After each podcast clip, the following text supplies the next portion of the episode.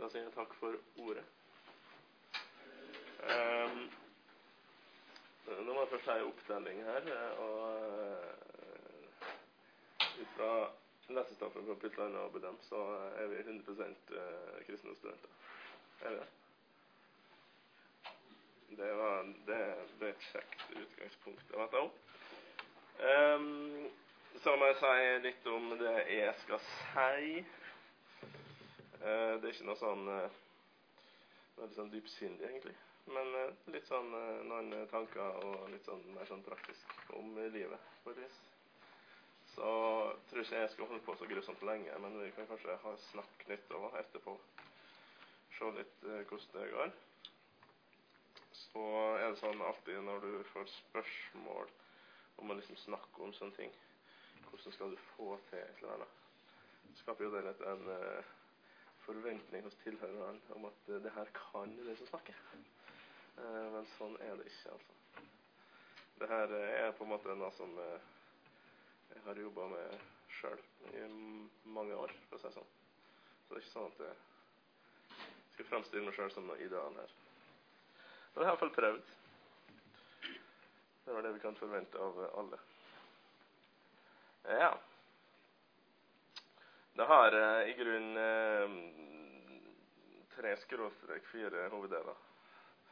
Eh, og Den første går ut på å bare si litt kort om hva som er forholdet vårt til Bibelen. Helt generelt. Og så er det litt om hvordan vi kan tenke i, om Bibelen og pensum og sånne ting. Og så er det litt om det livet som foregår utafor henne, som kanskje er egentlig det viktigste for det bibellivet som foregår her. da. Og så er det en liten sånn, liten sånn epilog. Eh, og når vi skal snakke om hvordan vi skal forholde oss til Bibelen, da begynner jeg rett og slett med et uh, veldig treffende sitat fra Kai Munch, dansk prest, som for øvrig finnes i en uh, fiffig liten preken i forrige nummer av Lære og liv. Det går slik.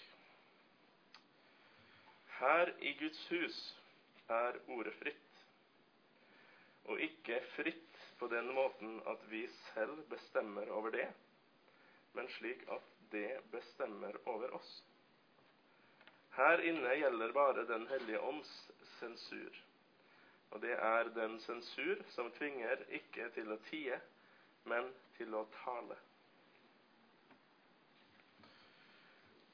Vi bestemmer ikke over Guds ord, men Guds ord bestemmer over oss. Det må på en måte være utgangspunktet i alt bibelliv. Og det her er en tanke som vi finner mange, mange ganger i Bibelen. Ofte uttrykt eh, gjennom metaforen om liv og mat. Eh, det er Guds ord som holder oss i live. Så ergo ta bort det, så faller vi. Eh, det er den veien. Det er ikke sånn at vi er dommere over ordet, men Bibelen er det som måtte holde oss i gang. Jeg har plukka fram noen gode eksempel. To fra Salme 119. Uh, først vers 25. Der står det slik Jeg ligger hjelpeløs i støvet. Hold meg i live etter ditt ord. Og vers 95. Aldri glemmer jeg dine påbud, for ved dem har du holdt meg i live. både et tilbakeskuende perspektiv og et framoverskuende perspektiv. Der poenget er at det ordet, Guds ord, som holder den troende i live. Og vi husker jo da det klassiske 5. Mosebok 8, som Jesus å sitere i ørkenen. Mennesket lever ikke bare av brød, Mennesket lever av hvert ord som kommer fra Herrens munn. Det er ikke ordet som lever av at vi kommer til det, på noe slags vis. Men det er vi som lever av ordet. I en del sånn moderne tekstteori så er det jo akkurat omvendt. Der er teksten død. Og så er det vi som bringer den til liv når vi leser den. Men eh, med Skriften eh, er det omvendt. Det er ordet som lever. Så det er vi som, det er vi som får. Det er ikke vi som gir. Eh, treffende òg, sies det i 5. Mosebok 33. Ja, han elsker sitt folk. Alle hans hellige er i hans hånd. De setter seg ved dine føtter og tar imot av dine ord. Det er den kristne innstillinga. Det er den som Maria fikk ros for når Martha styrer av andre ting. At hun satte seg hos Jesus og ville høre på han. Og Det er så viktig å holde fast på det der hovedperspektivet. Det, det er liksom Det er der vi må begynne når vi skal arbeide med Bibelen. Alltid. Ok. Eh, så litt da om eh, å lese pensum, dette bibellivet. Da er vi jo eh, i en slags eh, spenning sant, mellom det vi kjenner som den kristne og personlige og på et eller annet slags vis åndelige bibellesninga, og den mer akademiske, vitenskapelige vinklinga. Hva gjør vi liksom oppi denne spenninga her? For det første så tror jeg vil si at eh, vi skal ikke drømme om at vi får løst den på noe vis. Og Det er på en måte litt av poenget med at vi har et akademisk studium òg. At vi er alltid en slags dialog og en spenning. Og det er litt av poenget. Det er litt sånn apologetisk på et vis. Um, men da, når vi da leser pensum, så vil jeg si sånn noen ting om hva som er lurt å liksom prioritere og tenke og sånn. For det er jo eh, sikkert flere meg som har opplevd at mye av det som står i en del pensumbøker, er meget høytsvevende og kanskje også lite fundert. Det står masse teorier om hva en eller annen fyr tror om et eller annet, som har kanskje en eller annen tilknytning til en eller annen bibeltekst, eller noe sånt, som egentlig er ganske løst og ledig. Da vil jeg si, eh, har jeg som sånn, her er det nesten litt sånn slagord. Ta kritikken tilbake. Yeah, sant? Vær kritisk til den som kritiserer. Still alltid motspørsmål. Fordi at eh, eh, professorer og store forskere er ikke mer ufeilbarlige enn oss andre. Og egentlig en sånn, Det er en sånn merkelig tendens som jeg syns jeg har merka. Det at det er veldig inn å være åpen om sine egne forutsetninger. Sant? Fordi at eh, alle er jo enige om at ja, ingen kan være fri for forutsetninger, og alle har sitt eget perspektiv og sånn. Og det er vi jo for så vidt eh, i en forstand, så er det jo sånn. Men så blir det gjerne dratt litt langt av som ofte. Og dem som snakker mest om hva det er som De som påstår seg å være mest klar over sitt eget perspektiv, for å si det sånn, de opplever ofte for å være dem som ikke er det. Sant? Hvis en forfatter skriver veldig mye om at ja, vi må være klar over hva slags perspektiv vi har her nå, og at det er en svart mann og europeer og sånn, sånn, så er det kanskje sånn at akkurat da er det veldig viktig å være på vakt. For da kan det faktisk hende at en er veldig fastlåst i sine egne spor. Så vær kritisk til kritikken, altså. Alt, uh, alt som gjelder uh, bibelstoff og sånn. Ja, sier ikke mer om det. Uh, så sier jeg prioriter det relevante og det tekstbaserte når du leser eksegetisk pensum og sånn, prioritere f.eks. Den historiske kunnskapen som faktisk er relevant for å forstå tekstene i et skikkelig perspektiv. Og sjøl hos dem som vi kan være veldig uenige med i veldig mange ting, så kan det være veldig matnyttige ting å plukke opp, liksom. Uh, og, og, det med det som er tekstbasert Altså alle bibelforskere jobber jo tross alt med en bibeltekst. Og det går på en måte an å sile ut litt de tinga som faktisk er direkte basert på det de har funnet i teksten, og det som henger mer i hop med et system som på en måte de tegner som et speilbilde av det. Sant? Veldig ofte så består jo sånn vitenskapelig tekstlesing av å tegne et speilbilde som forklarer teksten. Sant? Det sier ja, det som står i Fante Mosebok om det stedet du skal offer til Herren, det er egentlig noen som sier seinere, etter at de har bygd tempelet i Jerusalem. og så.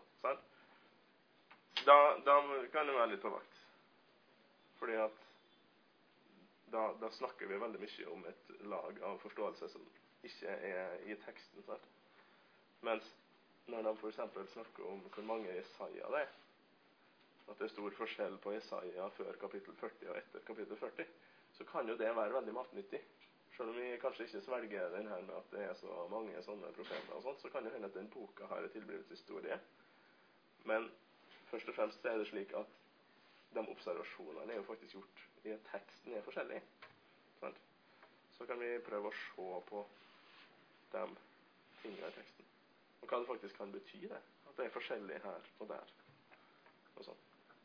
Det går liksom an å prøve å si litt sånn sant? mellom hva som er veldig sånn Hva som er basert på at de har lest bibelteksten, og hva som kanskje er litt mer sånn synsing. Så har vi et ord som eh, det en gang var faktisk Jonny som uh, sa til henne fra ei bok som hun las, som jeg syns var et veldig bra ord. Uh, og det er at vi må lese World Viewishly. Uh, prøv å lese sånn at du forstår eh, forfatteren, hvordan forfatteren tenker, hva slags grunnholdninger han har, liksom. Og forsøke å gjennomskue når det er de popper fram, liksom. For det gjør de jo som regel. Eh, så går det an å være mer ja, Så går det an å plukke ut andre ting. Og så vil jeg si eh, prioriter Bibelen det er hovedpensum i teologi, altså. Uh, les Bibelen. Og det er sånn Vi kan tenke at ja, men hjelper det på eksamen? Ja, det gjør visst det. Hvis vi kjenner Bibelen veldig godt, så har vi ofte en innfallsport til de fleste teologiske problemstillinger. Så prioriter å lese Bibelen, og lese ting grundig og få oversikt over bøker og tekstbolker og alt sånt. liksom. Lurt å prøve å få laga seg et slags uh, lite bibelbibliotek oppi hodet. Og det uh, anser jeg for å være helt sånn gyldig pensumlesing, uh, egentlig. For ei side sett. Vil du si noe, så må du bare gjøre det. Ja. Jeg vil spørre om altså hvor skeivt fordelt, om for der skal det være mellom GT og NT? I prioritering. Og les det. Uh, uh, har bare NT her, da. Det er fordi at det ikke har kommet GT ennå i den oversettelsen.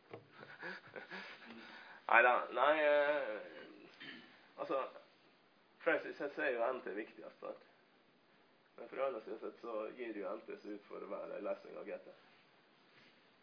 Det er på en måte min hovedtese når det gjelder forholdet mellom GT og NT. Eh, at eh, NT er i grunnen en lesning av GT. Sånn at eh, det er veldig viktig å lese GT. altså. Særlig liksom fortellingsstoff og sånn. Altså, det er jo GT vi kjenner minst av. I grunnen. Så det er Men jeg skal liksom ikke glemme alt det for dem heller. Sant? Så jeg vet ikke om det er så lett å sette opp en sånn formel på det. altså. Men jeg vil si at uh, i, i det lange løp hvis du, skal, hvis du tenker at du i framtida skal benytte det her i en eller annen slags uh, pastoral tjeneste, som prest eller forkynner eller noe sånt er det mye av det GT-pensumet som fins, som du ikke vil få så mye bruk for, altså. For på et bedehus i Indre Sogn så gir de katten i hva som er eller hist og ja visst. Sant? Så det, særlig, særlig i GT-lesninga så lønner det seg å være ganske bevisst på det. da. Eh, Hvis en har- tenker litt sånn lengre er perspektiv. derfor er det så vanskelig prioritering. Ja, ja, Det og tenk- Du kan lese hele Du kan lese enten nok.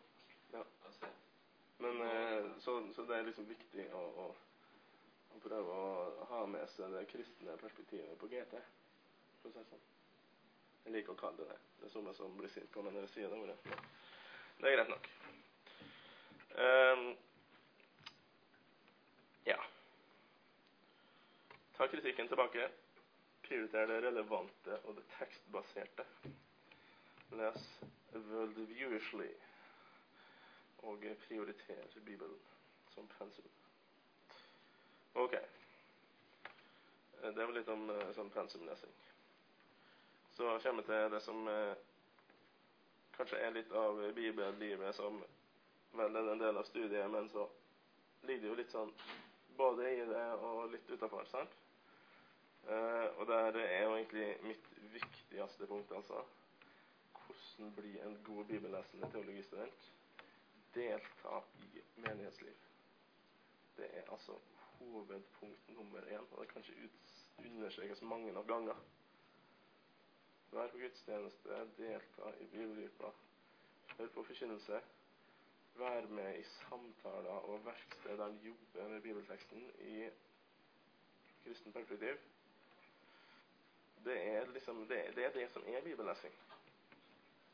Eh, Det er sånn eh, teologene i den gamle kirke tenkte. Bibelen leser i kirka. Teologi er når vi ber. Sant? Så liksom Ja. Og som jeg sa, var innom litt tidligere, det her vitenskapelige studiet, det akademiske, det er Derfor, sånn som jeg tenker om det, er aldri mer enn en hjelp for det teologi er for Kirken. Sant? Det bruker de å kalle det når de lager festskrift og sånn.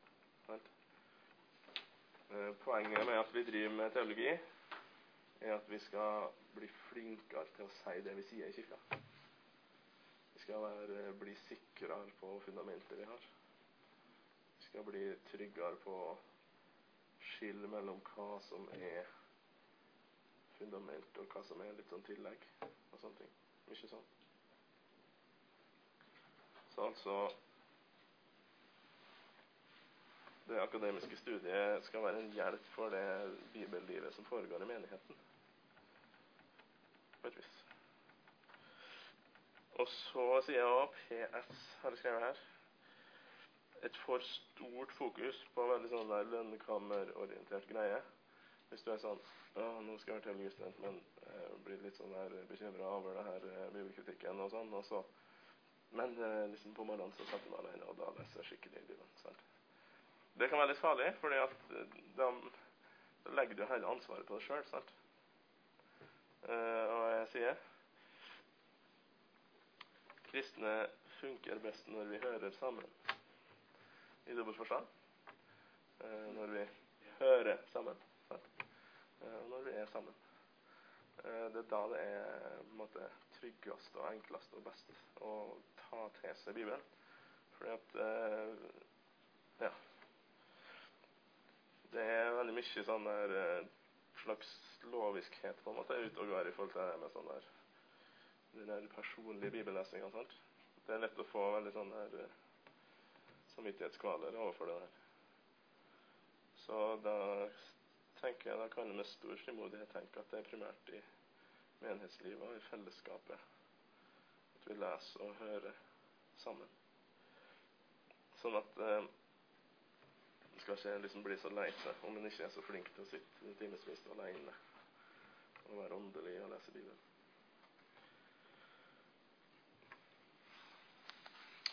Uh, rutiner. Kjedelig, men akk så viktig.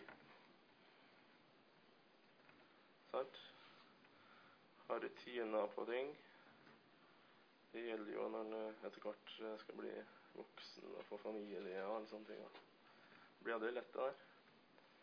Rutiner og sånn Sett bibellesing i et system. Det er viktig. Og det fins masse bibelleseplaner og opplegg og alt sånt som det går an å finne og, og bruke. Liksom. Års, sånn årsbibel og mange ting som ligger der for oss hvis vi vil. Og det går jo òg an å gjøre litt i fellesskap, da.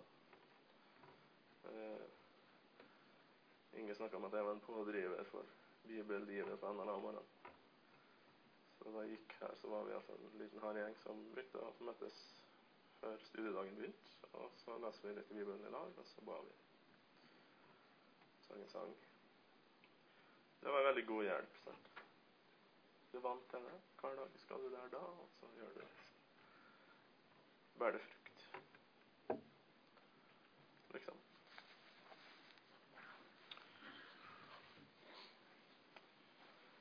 Eh, og så les Bibelen med tanke på det sjøl.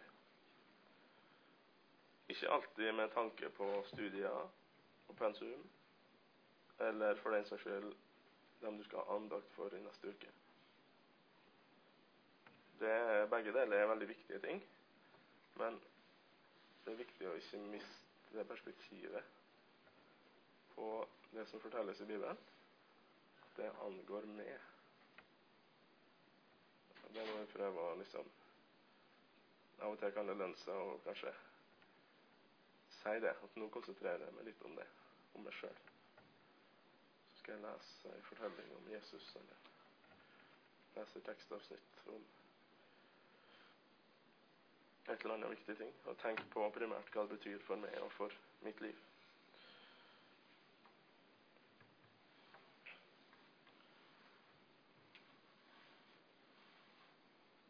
Når du er eh, anfekta, når du syns at ting er vanskelig, og du blir i tvil og alle sånne ting, så skal du ikke bli overraska.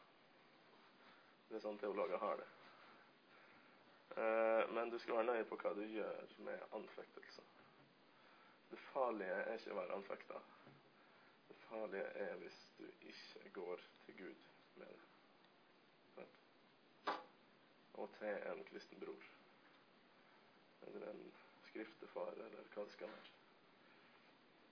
Det er ikke farlig å være anfakta, men det er farlig å ikke gjøre noe med det. Er greit? Snakk med andre om det.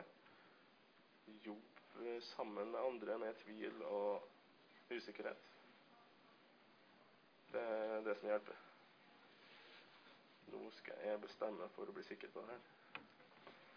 Høres ikke lett ut. Sant? Så liksom eh, dialog og, og det å få hjelp av andre, det er veldig, veldig viktig.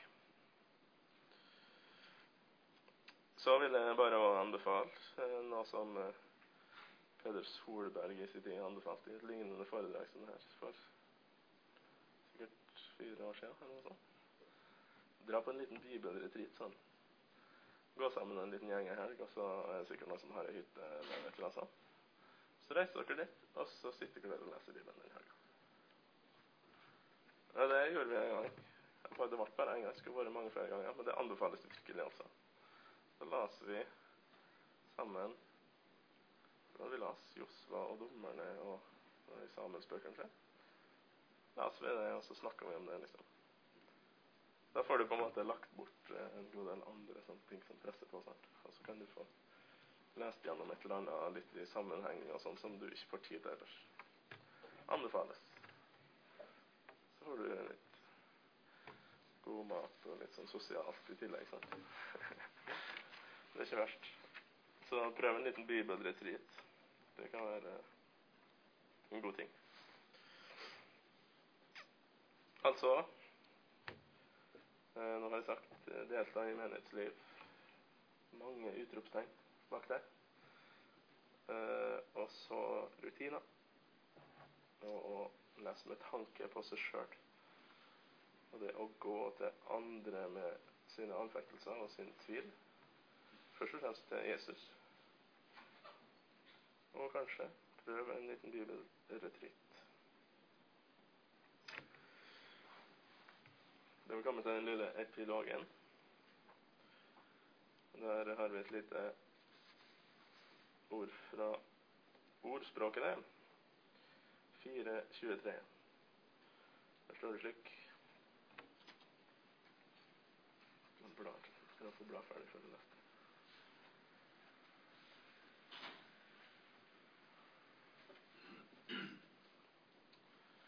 Bevar ditt hjerte fremfor alt du bevarer, for livet går ut fra det. Hjerte. Hva skal vi si er vårt hjerte som teologistudenter? Det må være evangeliet. Ordet om Jesus. Forholdet til Han. Hans kjærlighet til meg. Vår kjærlighet til Han. Der har vi hjertet. Eh, når vi Vi føler oss jo ofte revet i av veldig sånne debatter om bibelsyn og sånn.